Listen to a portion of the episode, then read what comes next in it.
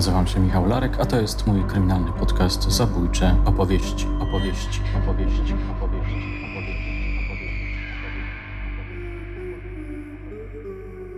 Ale na pewno mówi jedno, że nie ma żadnego dowodu na to, żeby kara śmierci w systemie, posiadanie kary śmierci wykonywanej w systemie prawnym wpływało w jakikolwiek sposób na przestępstwa popełniane na danym obszarze. I w tym momencie wydaje mi się, że teza, którą postawił, postawiła użytkownik, użytkowniczka, niestety mija się z badaniami, a badania, tym bardziej metodyka, metodyka syntetyczna, polega na matematyce. I niestety mam tutaj złą wiadomość dla osoby, która ten komentarz stawia.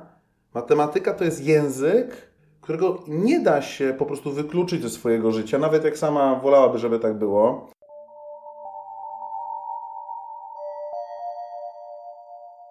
To mecenas Andrzej Reichelt, z którym w maju 2023 roku nagrałem wywiad o karze śmierci. Mój rozmówca zarysował wtedy swoje krytyczne stanowisko w stosunku do tej kary eliminacyjnej. Rozmawiało się znakomicie, na platformie YouTube pojawiło się mnóstwo komentarzy, emocjonalnych komentarzy, dlatego postanowiłem raz jeszcze zaprosić pana mecenasa do zabójczych opowieści, żeby odniósł się do wypowiedzi słuchaczek oraz słuchaczy i przedstawił badania, które wzmacniają merytorycznie jego stanowisko. Temat bardzo poważny, ale nasza rozmowa poprowadzona została w luźny sposób. No cóż, niekiedy pozwalaliśmy sobie na drobne złośliwości. Myślę, że było to uzasadnione. Moje drogie, moi drodzy, zapraszam do odsłuchu. Widzę, że masz kartkę z jakimiś podejrzewam komentarzami, od razu uprzedzam, nie znam jeszcze ich treści. Tak, Andrzejowi to może właśnie powiedzmy, żeby ta rozmowa miała większą dramaturgię. Andrzej poprosił o nieodczytywanie tych pytań i naprawdę nie zna tych pytań, będzie odpowiadał em, na bieżąco. Pytania są z internetu, więc liczę na to, że internet mnie nie zawiedzie i Tak. będzie tam mięso. Musimy podkreślić, że to są komentarze mm, zamieszczone na YouTubie, a jak wiemy, YouTube jest bardzo specyficznym miejscem na Ziemi, gdzie mniej są ważne argumenty, a bardziej rozbujałe e- emocje. No dobra, zaczynamy w takim razie. Na przykład taki komentarz. Aha, mm, powycinałem mm, niki, pseudonimy. Ludzie boją się takie mocne sformułowania wyrażać i zamieszczać pod imieniem i nazwiskiem, więc stwierdziłem, że w ogóle zrezygnuję z tego pseudo e, podpisywania się. Na przykład ktoś mówi: Prawnik nie jest żadnym autorytetem, jest też człowiekiem o różnych poglądach.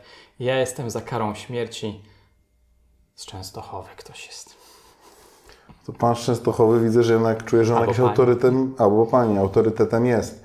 Czy nie wiem, ja nie twierdzę, że jestem autorytetem w przestrzeni tego, co jest, co jest słuszne, a co nie, ale na pewno wydaje mi się, że jednak mam jakąś elementarną przynajmniej wiedzę o tym, jak działa, powinien, jak działa system prawny, przez to mam swoje przemyślenia, jak powinien on działać, a przede wszystkim uczyłem się, bo przecież ja sam tego nikogo nie uczę, więc faktycznie może nie jestem autorytetem dla siebie samego, albo dla moich koleżanek i kolegów po fachu, ale myślę, że dla zwykłych śmiertelników, nie no, jak posiadam wiedzę wyspecjalizowaną, że mogę jakieś przemyślenia przekazać dotyczące tego, na czym prawo polega, skąd ono się wywodzi i dokąd zmierza, bo myślę, że tutaj chodzi o to, o ten element, kiedy mówiłem o tym, że tak naprawdę jest właśnie ta prewencja ogólna, szczególna. Podejrzewam, że to do tego ten komentarz się odnosi. Ja mam nadzieję, że pani albo pan odnajdzie gdzieś autorytet, który i odpowie na pytanie, dlaczego na przykład jej zdaniem, czy jego ta kara śmierci jest odpowiednim rozwiązaniem. No bo tak jak wspomnieliśmy, ja tutaj tego, czy jak wspominałem wcześniej, tej argumentacji nie widzę, a tutaj za bardzo ja nie widzę żadnego argumentu, bo ja jestem za, to tak to trochę jak ja jestem przeciw, no to, to trochę pusto. Tak, no to są właśnie bardzo wymowne i najczęściej pojawiające się argumenty. Ktoś e, zarzuca jednak ludziom mającym pewną taką ekspercką wiedzę, że nie są ekspertami, a sami prawdopod- prawdopodobnie nawet nie mają żadnego wykształcenia e, kierunkowego. Oczywiście nigdy nie podają e, żadnych argumentów. A może jakby była kara śmierci, pisze ktoś, to prokuratorzy i śledczy lepiej by się przykładali do swojej pracy. Lepiej by się przykładali? Tu jak dla mnie w tym pytaniu jest trochę za mało zgłębiona natura ludzka, ponieważ człowiek z natury jest leniwy. i raczej pracuje mniej niż więcej i robi mniej niż potrzeba, a nie, nie robi jakiejś nadwyżkowej pracy. Powiem tak, no jest to... Samo to połączenie jest bardzo Właśnie jest to, że jeżeli ciekawe. moja praca jest bardziej ryzykowna i może doprowadzić do, nie wiem, tak rozumiem, tak, do jakiegoś tragicznego rozwiązania, to wtedy będę ją wykonywać lepiej. Ale to może jest tak, ja zadam inne pytanie. A może gdyby kara śmierci była, to prokuratorzy i śledczy byliby tak zestresowani tym, że mogą doprowadzić do śmierci kogoś niesłusznej, że częściej mieliby problemy ze swoim zdrowiem psychicznym niż ma to miejsce teraz. Tak, tak się zastanawiam, czy kiedy w czasach PRL-u była kara śmierci bardzo często wykonywana, to czy ci prokuratorzy i śledczy byli aż tak pracowici, dramatycznie mocno przykładali się do swojej roboty? Powiem tylko tak. Tu właśnie akurat mam badania. Muszę tylko niestety w tej chwili akurat mam otwarte na stronie związanej z e, badaniami dotyczącymi kosztów, ale to do tego przejdziemy kiedy indziej. Ale podlinkujemy tak badanie na ten temat, że od momentu, kiedy była wprowadzona kara śmierci, było to badane.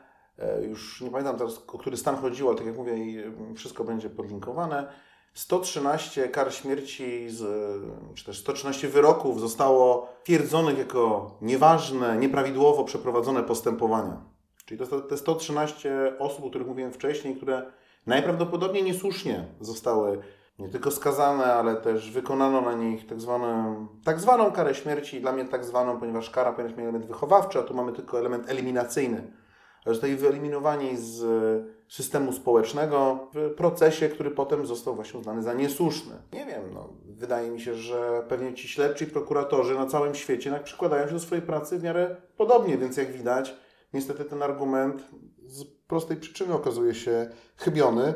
W świecie, gdzie kara śmierci istnieje, wyroki wydane pochopnie niestety też istnieją. Tak. To chyba warto podkreślić w tej Twojej narracji, że dla Ciebie, znaczy, że jesteś rzecznikiem mm, tej definicji kary, która zawiera w sobie także ten element y, wychowawczy. Wychowawczo-edukacyjny. Wydaje mi się, że ja oczywiście zgadzam się, są pewnie osoby i są osoby tak dalece zdemoralizowane, że zwykłe metody resocjalizacyjne są najczęściej nieskuteczne, bo czy niemożliwe no wydaje mi się, że wtedy są to osoby, na których właśnie można próbować nowe metody resocjalizacyjne, które może kiedyś uda się opracować tak, żeby były skuteczne. No bo też na tym to wszystko polega. Kryminalistyka, ale również resocjalizacja. To są dziedziny nauki nowe, ale jak to dziedziny nauki, one się rozwijają. Najlepszym przykładem tego, może zobrazuję moją rozmowę z moim klientem, mam nadzieję, że on nie będzie miał nic przeciwko, który E, który właśnie e, jest w jednym z zakładów karnych w Polsce. Zwieźli go poprzez zakłady karne za granicą, w tym w Niemczech. I teraz tak, u nas w Polsce, w, tym, w tej małej klitce, przede wszystkim w tej no, w małej celi, jest tam dwóch, powiedzmy, gości, jeszcze do tego jest ich piątka, dwóch się za bardzo nie myje, a nawet jak się myją, to mają brudne ciuchy, więc generalnie wszystko coraz śmierdzi, nie mają za bardzo dostępu do naczyń, co do jedzenia, które mają tam na bieżąco, z tych tak zwanych paczek, no to bardziej jakieś kabanosy, jakieś dżemy, jakieś takie długo trzymające sery twarde i tak dalej, no bo nie ma dostępu przecież do, do, do kuchni. Kuchnią jest tylko czajnik, tak? Ewentualnie nawet grzałka, którą próbują wykorzystać. Zresztą z tego przecież są całe historie, które można przeczytać w internecie, że, że w taki bardzo dziwny sposób próbują wykorzystać tą swoją przestrzeń, żeby jakoś ją tam w miarę udomowić, tak? No nie mają oczywiście żadnych, nie ma, no tam o nożach czy coś w ogóle, no nie mówimy o takich rzeczach, tak? Oczywiście nie posiadają takiego sprzętu. I u nas w Polsce ci ludzie wychodzą, u nas ten powrót do przestępstwa jest w miarę wysoki. Pewnie jak no, ja ostatni raz badałem tego typu rzeczy, badałem, byłem zainteresowany na, na studiach, więc lata temu, ale wtedy nie była zadowalająca ta procentowa, procentowy powrót do przestępstwa osób, które wychodzą z zakładów karnych, które je opuszczają. W Niemczech na przykład jest dużo lepszy ten, ten wskaźnik, a tam wyglądało to tak. Sala dużo większa, każdy mieszkanie celi, i to mówimy o zakładzie karnym, tak zwana jedynka, czyli penitencjarny. Tak? U nas to wtedy jest tak zwany że jest pełno zamknięcie, czyli że cela jest zamykana o pewnej godzinie. Czasem jest tak, że one są otwierane tylko na sam, po samym oddziale tylko można chodzić, tak? I tam jest jakaś mała świetlica, nie zawsze otwarta, też zaniedbana. A tam ogromny, e, ogromna przestrzeń, w pełni wyposażona kuchnia z nożami, tasakami, wszystkim, co tam jest potrzebne w kuchni, żeby było. Oczywiście, jeżeli chodzi, nie wiem, o mąkę, tak dalej, to każdy musi sam się wyposaży. To nie jest tak, że ona jest wyposażona w produkty żywnościowe, wyposażona w cały sprzęt. No i tam on właśnie mówił, że jak jechał przez, przez te Niemcy, to w jednej był taki cel chyba z tydzień, gdzie miał jakiegoś Mario, który robił pizzę dla wszystkich. Był tam jakiś gość tam z Senegalu, który swoje senegalskie żarcie przygotowywał. Różne jakieś właśnie takie grupy etniczno-religijne mieszały się między sobą. Nie było problemów. Nie było żadnych problemów. Nikt, nikt, nikt nikogo nie naskakiwał. To nie było w tych amerykańskich firmach, gdzie właśnie ludzie pozamykani w tych klatkach mhm. zaczynają zwierzęcić i przede wszystkim ta resocjalizacja jest nieskuteczna. No tak. Lata nauki i jakiś tam... No i przecież, żeby dojść do takiego wniosku, że no i właśnie na celi, nie wiem, ten telewizor, to PlayStation, czyli żeby jakoś też mogli ten czas zająć w jakikolwiek sposób. No i teraz lata praktyki pokazują, że ten typ resocjalizacji jest skuteczniejszy. No i przecież to nie jest tak, że od razu w Niemczech wprowadzili im konsole i telewizory i wygodną kuchnię. Tam u nich te więzienia wyglądały tak samo, bo gorzej niż u nas wyglądają dzisiaj. Tylko właśnie poprzez pewien rozwój resocjalizacji wiedzy, jako dziedzin nauki, jako no dziedzin nauki. Właśnie wiedzy w tym przedmiocie. Również niestety były to rodzaju pewnie czasem, za przeproszeniem, eksperymenty na żywym organizmie, tak? Doszli do wniosku, że takie metody są skuteczniejsze. No i wydaje mi się, że do tych osób tak dalece zdemoralizowanych dzisiaj w naszej opinii, że, że ta resocjalizacja jest niemożliwa, to nie znaczy, że ona nie będzie możliwa w przyszłości. A inaczej niż poprzez naukę i przez wiedzę, poprzez rozwój, przez eksperymenty. U nas w Polsce generalnie jest ten problem z psychologią, z psychiatrą, to jest oczy, oczywiste.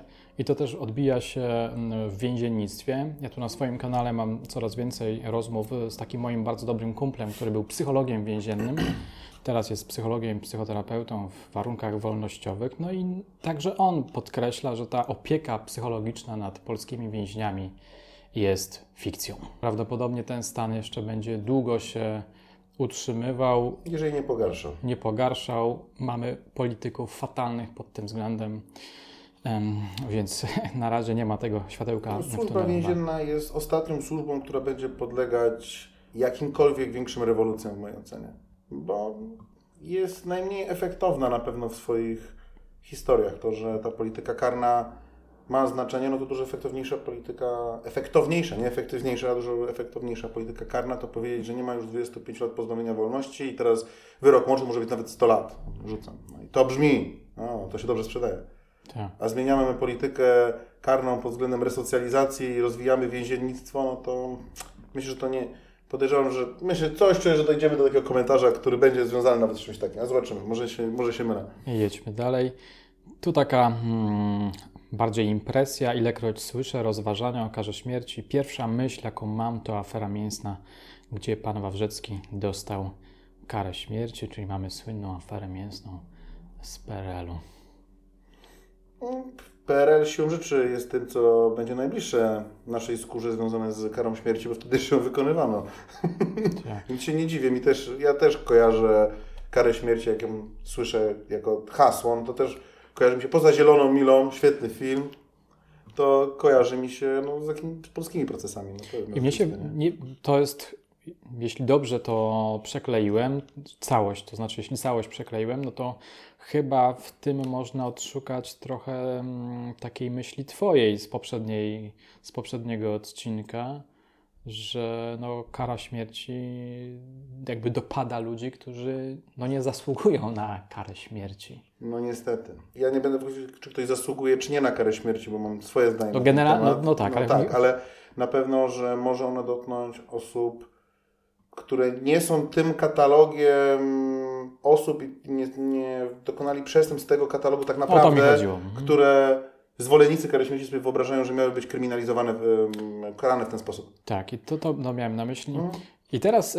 komentarz, który w sumie jest tak głupi, że aż przerażający. Ci, co znieśli karę śmierci, mają krew na rękach.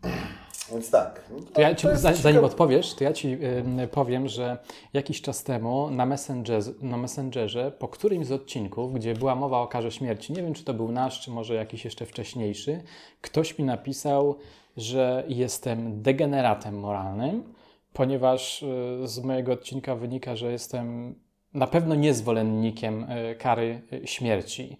I nie wiem, czy ta sama to osoba napisała, czy ktoś inny, że wraz z wycofaniem kary śmierci nasza cywilizacja upadła moralnie. Ale mi się podoba ta koncepcja, w sensie jest dobra jak każda inna. Może nie, jestem, nie, podoba mi się ona w swoim wydźwięku, ale jest jakaś przynajmniej. Nie jest dla mnie troszeczkę szalona i w tym momencie mam, tak jak ostatnio zapowiadałem, że pamiętam, że były badania na ten temat, ale nie byłem w stanie ich tak, wskazać. Tak, za co mam nadzieję, że nikt nie ma do mnie pretensji, bo też nagrywany przez odcinek nie miał żadnego scenariusza, więc siłą rzeczy nie wiedziałem wtedy, że te takie informacje mogą być mi potrzebne. Pozwoliłem sobie poszukać, przeszukać internet i w miarę poszukać aktualnych badań, bo są badania stare, to jest tak jak, e, tutaj pozdrawiam serdecznie, nie wiem czy nas słuchasz, e, mojego kolegę doktora Piotra Binasa, bo też jego pytałem o, o, o kwestię, czy on pamięta mniej więcej, jakie ja badania mogłem poznawać wtedy na, na studiach. Piotrek mi powiedział, że Andrzej, no problem jest taki, że już nikt się karą śmierci w Polsce nie zajmuje, no bo nie ma po co, nie? To jest tylko już badanie historyczne. No bo przecież y, mamy, jesteśmy w Unii Europejskiej, mamy kartę praw podstawowych, no oczywiście są studenci, którzy chcą sobie magisterkę najpierw karze śmierci tam no ale wydaje mi się, że z pewnym szacunkiem dla wszystkich słuchających nas ewentualnie studentów, których na pewno prace magisterskie będą genialne, no to jednak praca magisterska to nie wydaje mi się, żeby to był y, poziom badania naukowego, który chciałbym y, cytować, rozmawiając na tak poważny temat jak i taką, taki poważny problem gdzieś tam przede wszystkim dla osób niezwiązanych z, z prawem jako takim, jakim jest kara śmierci. Więc poszukałem, więc musiałem na własną rękę poszukać jakichś badań. No i pojawił się problem. Trafiłem na ścianę, ponieważ w naszym, nazwijmy to ogólnie, w naszym kręgu kulturowym, gdzie nasz kręg kulturowy zaczyna się dla mnie tak naprawdę no, gdzieś w naszym regionie, jest nawet związana trochę Australia. Ja wiem, że może nie każdy się zgodzić, ale jednak pod względem tych praw człowieka i tak dalej są to jednak w miarę podobne koncepty sięgając aż do Stanów Zjednoczonych i Kanady, chociaż e, różne są opinie na temat tego, ostatnie, tego, tego, pierwszego, nie ma kraju, który nagle wprowadza karę śmierci, a przynajmniej nie wprowadził w ostatnim czasie. Nie mamy, a żeby były jakieś badania, potrzebujemy dane. No tak. Więc dane na ten temat, że ktoś ma, e, że, mm, że wprowadzenie kary śmierci ma efekt pozytywny, takiego badania się przeprowadzić aktualnie tak naprawdę nie da da się w krajach takich jak Chiny, Arabia Saudyjska, jaki tam był wpływ, Tajlandia, jaki tam był wpływ, wpływ kary śmierci na Wietnam, bo tam też chyba ta kara śmierci, z tego co pamiętam, jest, wpływa na, mm, na przestępczość danego typu, który jest tam e, karany w ten sposób. Ale myślę, że wszyscy się zgodzimy, że kraje, które teraz wymieniłem, poza na przykład, chociaż oczywiście rozwój gospodarczy Chin nie ulega wątpliwości, ale myślę, że pod względem tym właśnie humanitarnym, praw człowieka, praw obywatelskich, no nie wiem, czy chcemy sięgać, do, to, czy to są wzory, wzorce, do których chcemy sięgać. Wydaje mi się, że nie. Więc pozostajemy na tym naszym kręgu kulturowym, który właśnie, o którym mówiłem wcześniej. I są na całe szczęście badania, które będą bliższe dokładnie temu, e, jak możesz raz zacytować, bo nie chcę... To, to, to ostatnie tak, tak, ostatnie. Mhm. Ci, co znieśli karę śmierci, mają krew na rękach. Ci, co znieśli karę śmierci, mają krew na rękach. Czyli rozumiem, pozwolę sobie dokonać pewnej interpretacji tych słów, że poprzez usunięcie kary śmierci z systemu w jakikolwiek sposób dochodzi do zwiększenia ilości przestępstw typu zabójstwo. No bo rozumiem, że najczęściej do niego sięgamy, no bo krew na rękach to rozumiem jako zabójstwo. No i na całe szczęście, tym razem mogę pochwalić się badaniami. E, badania są pan e, Steven Oliphant, który jest wykładowcą, doktorem na School of Criminal Justice Michigan State University. Badanie jest świeżutkie, to tam sięga z danych z 2021 roku, upublicznione na Criminology and Public Policy 2022. Jest obszerne, jest ono na 39 stronach on homicide rates using the synthetic control method. Czyli będziemy tutaj badać ten efekt moratorium w związku z karą śmierci, na zwiększenie bądź zmniejszenie stosunku zabójstw w jakimś tam określonym badawczym elemencie, korzystając z tzw. Tak syntetycznej metody kontroli. Ta syntetyczna metoda kontroli, nie będę tutaj też nikogo zanudzać, świetnie to jest opisana. Chyba z pierwsze 5 czy nawet 10 stron tej, tego artykułu to jest tylko właśnie sama metodyka opisana, więc naprawdę jest świetna. Teraz przejdźmy może od razu do tego, jakie są wnioski. Wnioski są mianowicie takie, że wpływ po moratorium na ilość zabójstw w zasadzie we wszystkich stanach to był spadek ilości zabójstw. Ale jednocześnie ten spadek w niektórych był ogromny. Na przykład w Washington w jednej ilości to był tam aż o jedno e, zabójstwo w stosunku na e, chyba 100 tysięcy osób oni to robili wtedy.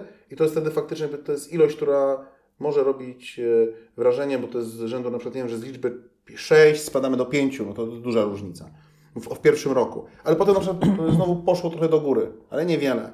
I teraz tutaj te badania, każdy z Was może sobie je przeanalizować. Każdy może sam zobaczyć, jaka jest dokładna różnica, w którym stanie. E, w niektórych ta redukcja to było 4,6% na przykład, tak? Ale generalnie większość badanych obszarów geograficznych wykazało spadek w ilości zabójstw. Tylko, że ten spadek, tak jak mówię, to był rzędu 5-6%. Sam autor tego badania, on nie pozwala sobie na wniosek, że moratorium w sposób ewidentny powoduje spadek zabójstw, ale na pewno mówi jedno, że nie ma żadnego dowodu na to, żeby kara śmierci w systemie, posiadanie kary śmierci wykonywanej w systemie prawnym wpływało w jakikolwiek sposób na przestępstwa popełniane na danym obszarze. I w tym momencie wydaje mi się, że teza, którą postawił, postawiła użytkownik, użytkowniczka, niestety mija się z badaniami, a badania, tym bardziej metodyka, metodyka syntetyczna, polega na matematyce. I niestety mam tutaj złą wiadomość dla osoby, która ten komentarz stawia. Matematyka to jest język, którego nie da się po prostu wykluczyć ze swojego życia, nawet jak sama wolałaby, żeby tak było. Za tym idzie, niech zapozna się z tym badaniem, zachęcam z chęcią i powie mi, czyją krew ma na rękach. No bo na pewno nie tych osób, które nie zostały zamordowane, ale zakładamy, mówię, załóżmy tezę, że nie ma żadnego wpływu, czyli że nic się nie zmieniło, a spadek i podwyższenie przecież zabójstw, ich ilości ma e, swoje źródło w bardzo wielu elementach polityki społecznej. Na pewno nie tylko jedno moratorium tego nie zmienia. Więc zakładam, że nie ma żadnego, żadnych, e, żadnego wpływu. Takie, takie, takie, taką postawmy sobie dzisiaj tezę. Jak nie ma żadnego wpływu, no to jedyne osoby, które nie zostały pozbawione życia, to te, które byłyby pozbawione przez karę śmierci. Więc wydaje mi się, że niestety, ale stawia, że ta strona teza nie tyle jest błędna, co powinna być odwrotna. Ci, co zrezygnowali z kary śmierci, krew ze swoich rąk zmywają. Dokonuję analizy emocjonalnej tej postaci i stwierdzam, że ona może Ci odpowiedzieć tak. Pan badacz nie jest żadnym autorytetem. No, no pewnie, no. Dlatego właśnie tutaj ten badacz mi się podobał, bo głównie działa na cyfrach, to, co jest samo sobie ciekawe. Zresztą potem jeszcze mam takie jedno w miarę ciekawe badanie do, do opowiedzenia w związku właśnie z tymi przestępstwami, w tym najcięższymi, czyli zabójstwami, ale może do tego przejdziemy tak, później. Pewnie sobie wcześniej czy później do tego mm, zerkniemy. Zaczynam dopiero słuchać ten podcast, ale nic mnie nie przekona do zmiany zdania. Kara śmierci musi być dla niektórych, pomijając cały zło. Skupmy się na tym, co obecnie jest na tapecie. Wczoraj umarł Kamilek. A tak, bo ten nasz odcinek był chwilę przed tym zabójstwem tego chłopca o imieniu e, Kamilek, zamordowany przez swojego ojca, ojczyma, już teraz nie pamiętam dokładnie, to była taka słynna sprawa. To było kilka takich ostatnio, no. no Ale to było w czerwcu, nie? Jak wtedy rozmawialiśmy. Mhm. Torturowany, a okej, okay. torturowany przez ojczyma w bestialski sposób, a matka na to patrzyła i nie reagowała. Przynajmniej obecnie jest taka wersja. Pomimo hejtu, jaki zaraz się na mnie wyleje, jestem za karą śmierci dla ojczyma, jak i dla matki Kamilka. Wywiózłbym i jakieś przekleństwo na K w Bieszczady. Przywiązał do drzewa, ponacinał, żeby wilki szybciej się zleciały i tyle w tym temacie śmierć za śmierć. Co do zasady wilki raczej nie zaatakowały, znaczy, bo musiały być bardzo wygłodniałe, a potem, kiedy już byliby martwi z uwagi na nacięcie, to z tego co wiem, wilk raczej nie żywi się padliną, więc e, sposób e, tutaj dokonania e, tej wymyślonej przez siebie kary śmierci pan, pani bardzo awangardowy, ale wydaje mi się, że może być nieskuteczny przynajmniej w ten sposób, bardziej przez wykrwawienie, co też było pewnie bardzo niesympatyczne. Powiem tak, e, ja rozumiem właśnie... No tu mamy taką fantazję, nie? O, To- to o mordowaniu, o znęcaniu się. No, ale to tak, ale to tak, co ciekawe, na początku sam jest oburzony tym, że ktoś e, torturował i zamęczył, co jest oburzające, No ale to potem nie przeszkadza mu samemu sięgać do takich samych metod, ale z drugiej strony kodeks Hammurabiego, oko za oko, ząb za ząb, najwyraźniej w takim najbardziej pierwotnym tym naszym gadzim muszczku, bo pan, nie wiem, czy tam orientujesz się w tym Tak, trzech, tak, tak. Mhm. tak, tych trzech mózgów, więc mamy ten gadzi podstawowy, w nim chyba właśnie występuje ta, ta śmierć za śmierć, dlatego tutaj, skoro tam była męka, no to od razu się uruchomiły te najbardziej pierwotne chęci i potrzeby, żeby tak samo kogoś urządzić. Zresztą może to by dało jakąś chorą satysfakcję. No, powiem tak, no, niewątpliwie śmierć dzieciaka to, jest straszna tragedia. Problem jest taki, że bardzo łatwo jest skazać, o patrz, jaki to jest zwyrodnialec, on to by zasłużył. Ale jak ja się spytam, w którym momencie być, ma być ta linia narysowana, w którym zdaniem tego samego człowieka, kiedy już, kiedy tej, tej linii nie ma? Kiedy jego zdaniem kara śmierci już nie jest potrzebna? No, dla mnie najciekawsze w tym komentarzu jest to, że, że ktoś jakby przyznaje się, że ma fantazję o byciu mordercą czy morderczynią. I takim bardzo sadystycznym. Więc mamy tutaj jakby powrót do, do tego człowieka, który jest podszyty takim instynktem zabójcy. No, przede wszystkim człowiek to jest zwierzę raczej zachowujące się wobec swojego gatunku w sposób jednak e, dosyć brutalny, nie? Jest taka książka o, o mordercy z punktu widzenia analizowana, analizuje z, punk, analizuje z punktu widzenia psychologii ewolucyjnej, no i tam jest taka teza, że morderstwo, zabójstwo to jest po prostu jak najbardziej ludzki sposób rozwiązywania problemów No. bardzo trudnych. Poprzez eliminację. Niewątpliwie jest to rozwiązanie ostateczne problemu. Tak. A skoro ktoś y, nawiązywał do ówcześnie aktualnej sprawy, to ja bym chciał nawiązać do sprawy, o której powiedziałeś parę zdań, zanim włączyłem nagrywanie, czyli to takie brutalne zabójstwo chłopczyka w Poznaniu Na Łazarzu. Na, na Łazarzu. Ludzie się oburzają, no, no słusznie, bo to y, straszliwa tragedia, no ale sytuacja nie jest tak prosta, ponieważ jest duże prawdopodobieństwo, że ten zabójca jest mocno zaburzony. Jest chory. Jest To chory. Znaczy jest, powiem tak, oczywiście to, co teraz powiem, od razu zaznaczam, ja nie jestem obrońcą tego człowieka, co za tym idzie. Ja nie mam dostępu, ani też nie występuję w ogóle w tym postępowaniu, ani też za pokrzywdzonych, więc ja nie mam dostępu do materiałów, które są. Mam dostęp tylko też do materiałów prasowych, tak jak wszyscy, ewentualnie mogę porozmawiać tylko z koleżankami i kolegami na ten temat. Materiałów prasowych, kiedy już się wyciśnie jakąś wartość merytoryczną, a nie głównie pewnego rodzaju chęć linczu, dowiadujemy się kilku rzeczy. Była to osoba już starsza, bo bodajże 71-letnia i najprawdopodobniej schorowana neurologicznie w sposób na tyle idący, że jej- obrońca powiedział to mm, w którymś z artykułów, że nie było żadnego logicznego kontaktu już od dłuższego czasu, bo ponieważ ten wywiad ma miejsce kilka dni po zdarzeniu i dalej nie było jeszcze możliwości na logiczny kontakt, tam było tam wskazane nawet jakiego typu słów i jakich e, anturażu ten sprawca to, to mówi i że będzie badana jego poczytalność, tak, czy, będzie jego, czy, czy był świadomy e, czynów i ich konsekwencji i jego tak zwana poczytalność w momencie I czy był, czynu. Czy był w stanie pokierować? I czy był, był w stanie pokierować swoim czynem, no bo to, jest jakby tego, to są dwa elementy poczytalności. Czy rozumiesz swój czyn, czy możesz nim pokierować? Dla mnie to jest e, też pod tym względem bardzo ciekawa sprawa, ponieważ ja wielokrotnie w różnych postępowaniach, e, niekoniecznie o takie przestępstwa, ale wskazywałem, że moimi koleżankami i kolegami wskazywaliśmy, że te problemy neurologiczne, czy to związane z nowotworem, czy z innym guzem, naciekami tym spowodowanymi, czy nawet z uszkodzeniami centralnego układu nerwowego po na przykład jakimś wypadku, że to może wpływać na poczytalność tego sprawcy. ale raczej u nas w Polsce do tej pory spotykaliśmy się z taką opinią, że jednak ten element duchowy tej świadomości jest ważniejszy niż ten element biologiczny, jakim jest po prostu to, czym mózg jest i jak działa. Ja nie powiem, że mam nadzieję, że w tej sprawie coś się wydarzy, bo nie o to chodzi. W tej sprawie ma być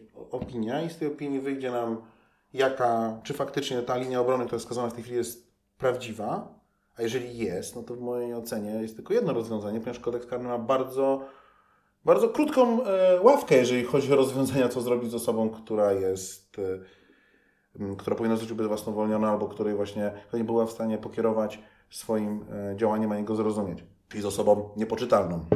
No, jest to niewątpliwa tragedia, ale też zobaczymy, jak sobie z nim poradzi wymiar sprawiedliwości, bo tak jak mówię, no jest niestety ta chęć, y, żeby obdzierać trochę tę naukę z jej wartości dodanej, a w jej miejsce wkładać, nie wiem, czy chęć zemsty, chęć linczu, czy też tak jak kiedyś rozmawialiśmy, tak naprawdę po prostu poszukiwania jakiegokolwiek winnego, bo brak winnego powoduje takie poczucie niemocy, Tak.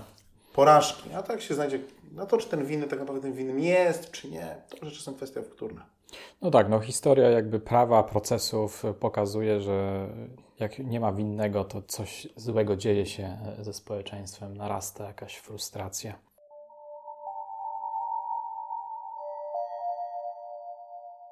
Ciekawe, jakiego zdania byłby ten pan, ten pan, Ten pan, ale pan jest napisane z wielkiej czy z małej? dużą literą. To, czyli z szacuneczkiem, no fajnie. Tak. Ten pan, gdyby bestialsko zamordowano kogoś z jego bliskich, a dowody jednoznacznie wskazywałyby sprawcę, ja jestem za karą śmierci, ale oczywiście tylko w przypadkach, gdy wina jest niezaprzeczalna.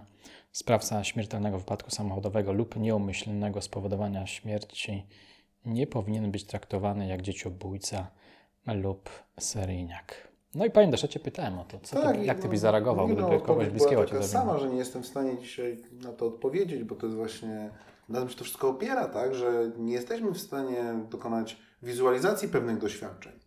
Ja mam nadzieję tylko, że zachowałbym się w sposób racjonalny i liczyłbym na to, że doszłoby do schwytania, następnie ukarania sprawcy, że nie chciałbym dokonywać linczu, że nie chciałbym jakiejś takiej do, że, że nie, nie znalazłem satysfakcji w tym, żeby kogoś uśmiercić albo żeby życzyć mu śmierci. No oczywiście, no tak jak, tak jak mówię, no, ja mam nadzieję, że jednak ta moja humanistyczna strona, że ten człowiek we mnie byłby silniejszy od tego wilka, który by wtedy mógł ze mnie, ze mnie wyjść. Zresztą, co więcej, ja podejrzewam, że na samym początku pewnie każdy chce takiej najprostszej zemsty, ale mam, miałbym nadzieję, że jednak potem moje, e, moje poglądy, moje doświadczenie też związane z różnymi tego typu sprawami, gdzie przecież w różnej roli występowałem, spowodowałyby, że jednak odnalazłbym tutaj spokój w, w racjonalnym zakończeniu tego postępowania, czyli po, w sposób ten, który jest nam nakazany nie tylko przez prawo, ale też przez pewne zasady podstawowe, które staramy się wprowadzać do naszego społeczeństwa. Tutaj też jest to, to, ten fragment, gdy wina jest niezaprzeczalna, no, no właśnie też tu wracamy kurczę, do te- nigdy nie wiemy, nie? No wracamy do tego momentu, że nawet niech wina będzie niezaprzeczalna. No Okej, niech będzie, nie wiem, ja nie wiem w jaki sposób miałoby się to wydarzyć, ale niech będzie. No to i tak tam potrafi, tam zaczyna już y, miarkować. E, samochodem to nie, nieumyślnie to nie, ale dzieciobójca albo seryjniak to tak. No a, to, a pomiędzy, przecież pomiędzy jest tyle odcieni szarości. No to gdzie on by tę linię narysował? Tak. I naprawdę bym chciał, żeby, on, żeby to opisali, bo to było bardzo ciekawe. Poprosimy zatem o wskazanie tej granicy, po przekroczeniu której możemy już swobodnie w świetle prawa, Dokonywać eliminacji z systemu. czyli zabijać. Kolejny komentarz. Jestem za, ale Ale tylko zawsze. Za karą śmierci. Aha, to, jest, ale jest tam napisane, Bo jakoś, za? nie, nie, bo wiesz co, bo ja jakoś to tak sformułowałem, yy, Czy jesteś za karą śmierci? Jakoś tak. Mhm, okej, takie, okej, dobra, takie zdanko. Ale tylko w, właśnie wydaje mi się, że dużo ludzi komentujących odnosiło się do tego mojego pytania, czy to na miniaturce, czy w komentarzu. Już jakby Mhm. nie pofatygowali się, żeby. Żeby zapoznać się z treścią. Tak. Szkoda. Chodziło pewnie raczej o wyrażenie swoich emocji, a nie wejście w dyskusję, gdzie się wymienia jakimiś argumentami. Z, tak. Z tym panem. Z tym panem, ale przez wielkie P, więc spoko. Tak, to, tutaj akurat rzeczywiście ktoś użył dużej litery. Dziękujemy. To Dziękuję, jest dziękuję. To jest wyraz szacunku, wyraz to jest szacunku. bardzo miło. Chociaż muszę przyznać, że z uwagi już na to, że troszkę ten zawód wykonuję, to jak jestem przyzwyczajony, jak jest do tego już podłączony pan mecenas. Pan ale nie ma mecenas. problemu. Nie, o, śmieję się, bo y, właśnie miałem taką rozmowę z taką panią, nie wiem, czy, czy mnie słyszy, czy nie. E, bardzo sympatyczna, przyszła do, do mnie, Panie Reichelt, Panie Reichelt, Panie Reichelt. I generalnie mi to nie przeszkadza, bo ja wielokrotnie byłem po nazwisku i przez, całe, przez całą szkołę i tak dalej. Tylko jak ona do mnie mówiła w ten sposób, to mnie to jakby z rytmu troszkę wybijało. I ja powiedziałem, że bardzo przepraszam, ale czy jest taka możliwość, tak, a mi się to nazwisko tak podoba, że tak lubię je mówić. Powiedział mi, że bardzo mi miło, ale jednak pan jak, mecenas. jak zachowa falne pan mecenas, to mi się po prostu łatwiej skupić na pracy. Tak. Bo to już dla mnie jest gdzieś tam neutralne, nie? Po prostu jest obok mnie, jestem do tego przyzwyczajony, a jak się pojawia w jakiejś innej formie, no to jest zawsze takie... Co się dzieje? Dobra, co tam dalej mamy? Jestem za, ale tylko w przypadkach ciężkich zbrodni, które zostały udowodnione sto, no, na 100% i nie ma żadnej wątpliwości co do winy. Pan prawnik stwierdził, że utrzymanie skazańca w więzieniu kosztuje nas niewiele. Przemnóżmy to jednak przez ich ilość i dodajmy, że ludzie, którzy przez całe życie nikogo nie zabijają, muszą ciężko pracować na swoje utrzymanie. Dobra, wyciągnijmy z tego nowość, czyli. Pieniądze. Pieniądze, tak. Świetnie. No to bardzo mnie to cieszy, bo właśnie na to badanie również mam. Tak jest. Niestety jest ono trochę stare. Nikt od tamtej pory takich badań nie zrobił. Jest to 2010 rok, marzec. Taki NGO-sik kalifornijski dokonał badania dotyczącego do tego, jaki jest koszt w związku z karą śmierci w e, samej Kalifornii. I tak, sam proces związany z death penalty kosztuje około 1 100 tysięcy dolarów więcej niż jakikolwiek inny proces. Dlaczego? Dlatego, że kiedy mamy. Post- I z tym związane jest jednocześnie to, że utrzymywanie tak zwanych oddziałów śmierci, no bo gdzieś musisz tych ludzi trzymać, zanim ją wykonasz, kosztuje 90 tysięcy dolarów na rok więcej, jeżeli w stosunku do wszystkich innych przestępstw. Fundowanie tych um, adwokatów i, pro, i prokuratorów po samym skazaniu kosztuje też kolejne 90 tysięcy dolarów na rok, czyli mamy 180 tysięcy dolarów na rok bonusu całkowitego, plus milion samego postępowania. Podsumowując, w roku 2009 Kalifornijczycy zapłacili dodatkowe 117 milionów dolarów za wykonanie 680 kar śmierci. Uh, no to mamy tutaj bardzo ciekawy argument. Kontrargument w sumie. Oznacza to po prostu jedno. To się jednak nie opłaca. Dlaczego? Ponieważ wbrew pozorom ten więzień, który sobie tam funkcjonuje w więzieniu, nawet jak jest darmozjadowaty, to i tak on najczęściej coś wokół siebie robi, oni potem zaczynają iść do pracy, albo cokolwiek tam zarabiają, co gdzieś tam zaczyna powoli wyrównywać, przynajmniej częściowo ten koszt. Poza tym pamiętajcie, że oni płacą po byciu skazanym, grzywna i tak dalej, to też jest coś, co jest wpływem do skarbu państwa, tak? Tego nie można omijać. Koszty postępowania sądowego, oczywiście to nie są kwoty astronomiczne, ja nie mówię, że one wyrównują to, ile kosztuje nas utrzymanie danego skazańca. Ale te, one też istnieją w systemie, chcę po prostu, żeby ich, o nich nie zapominać. A kiedy komuś chcemy skazać na karę śmierci, to nie możemy mu odebrać nadzwyczajnych środków zaskarżenia. Różnych. Samo postępowanie, jeżeli w jego tle pojawia się kara śmierci, to jeżeli tak jakby chcieli tutaj wszyscy, trzeba by tam zwiększyć ten, bo rozumiem, że też do tego to zmierza, zwiększyć poziom udowodnienia winy. Tak, no bo taki się tam gdzieś argument no przewija ten... bardzo często to siłą rzeczy to będzie rodzić dodatkowe, przeprowadzenie dodatkowych postępowań dowodowych, czasem totalnie zbędnych, ale drogich. No i sam fakt, jak długo trwa postępowanie nadzwyczajne, jakiekolwiek, jakie może być e, powzięte w postępowaniu, na każdym etapie, czy krajowym, czy później w naszym wypadku europejskim, czy w Stanach, na e, stanowym, a potem na federalnym, w tym okresie nie można wykonać kary śmierci. No bo siłą rzeczy, no są środki zaskarżenia, no to nie możemy wykonać kary śmierci i powiedzieć, o sorry, no nie zdążyliśmy z Twoim posiedzeniem w Sądzie Najwyższym, ale no zdarzyło się. No nie, no oczywiście tutaj pozwolę sobie na jakiś żarcik, ale wiadomo o co chodzi, tak? Myślę, że to jest w miarę jasne. I w efekcie te postępowania są strasznie długie, długie i droższe. Nie można nikomu w tym przypadku mówić ani adwokata, ani też nie może tam nie być e, samego prokuratora, no i oczywiście też cała ława sędziów, którzy przypominam Wam, wszyscy Was kosztują. To nie jest tak, że sala rozpraw jest darmowa, bo to wszystko trzeba utrzymać. My tam wszyscy przychodzimy. Oczywiście można powiedzieć, że jeżeli adwokat nie jest z urzędu, to jakby jego koszt się nie liczy, ale z drugiej strony ten adwokat w 90% przypadków był wykształcony za Wasze pieniądze w publicznej uczelni. Ja nie wiem, ile kosztuje wykształcenie prawnika. Tak jakby wziąć je tak całkowicie do zera wycisnąć jak cytrynę. Ale jestem przekonany, że byście byli zaskoczeni, ile rocznie trzeba by zapłacić czesnego, żeby zapłacić za każdego profesora, który ma wykład i tak dalej, i uczelnię. I no myślę, że no, no to jak, ja to mówię, to już y, mniejsza z tym. W każdym razie ostatecznie zostaje nam taka piękna e, kwota 117 milionów na 680 osób, czyli to nam w sumie nie liczyłem tego. No właśnie, to weź policz. Kalkulator 117, raz, dwa, trzy, cztery, pięć, sześć, jest ile zer? Podzielone przez 680, znaczy, że dodatkowe 172 tysiące dolarów na osobę. I to jest tylko ten element past conviction level seeking the execution of the tam 680 inmates on death row. Mówimy tylko o tym po postępowaniach. A ja, a oni też mówią, że sam postęp, samo postępowanie może być droższe, nie? Więc podsumowując, nie kupuję tego argumentu, bo znowu matematyka, królowa nauk wskazuje, że jest inaczej. Tutaj jeszcze w połączeniu z ekonomią, do tej również mam wielki szacunek, ale z nią są związani banksterzy, więc może to faktycznie trzeba by to jeszcze raz policzyć. Nie, ale no żartuję, ale no jest tego trochę, nie? Tutaj co jakiś czas pojawia się taki fantazmat, yy, zbrodnia, która została udowodniona na 100%.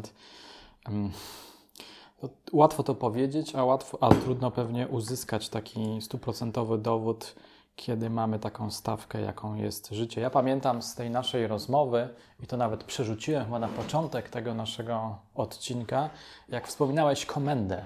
I to nawet tak dramatycznie opowiadałeś, że E, że, że no, gdyby była kara śmierci, to niewinna postać, jaką był, jest komenda w świetle prawa, byłby martwy. E, byłby, byłby martwy i że to jedno życie ocalane, ocalało, ocalone jedno życie, ocalone jedno życie dzięki. Jest warte wszystkiego innego. Jest, tak, jest moje zdanie. Jeszcze jedna rzecz, przepraszam, bo wcześniej mówiłem o tych e, osobach, które uznano za, które zostały uwolnione, to jest jeszcze inaczej, ponieważ w tym samym artykule mówię, bo to było te 113, co uznano za nieprawidłowe skazania. Do tego jeszcze wrócimy, ale tutaj dokładnie w tym samym artykule jest, e, że w całych Stanach od 1971 roku, czyli przez te 40 lat, 130 osób zostało uniewinnione będąc w celi śmierci. Czyli to już jakby pomijamy te, które zostały po czasie stwierdzone postępowanie, żeby błędne, ale 130 osób zostało skazanych na karę śmierci i w tym postępowaniu, tym co właśnie no tutaj powiedziałem, ile kosztuje dużo, zostało ostatecznie oczyszczonych z zarzutów i uniewinionych. W sumie ci, którzy mówią, odwołując się do argumentu, hmm. czy do takiego, takiej, do dowodu ostatecznego, do takiego warunku, że udowodnione w 100%, to jest, to jest takie działanie, to jest taki argument fikcyjny. Oni sobie jakby ułatwiają argumentację.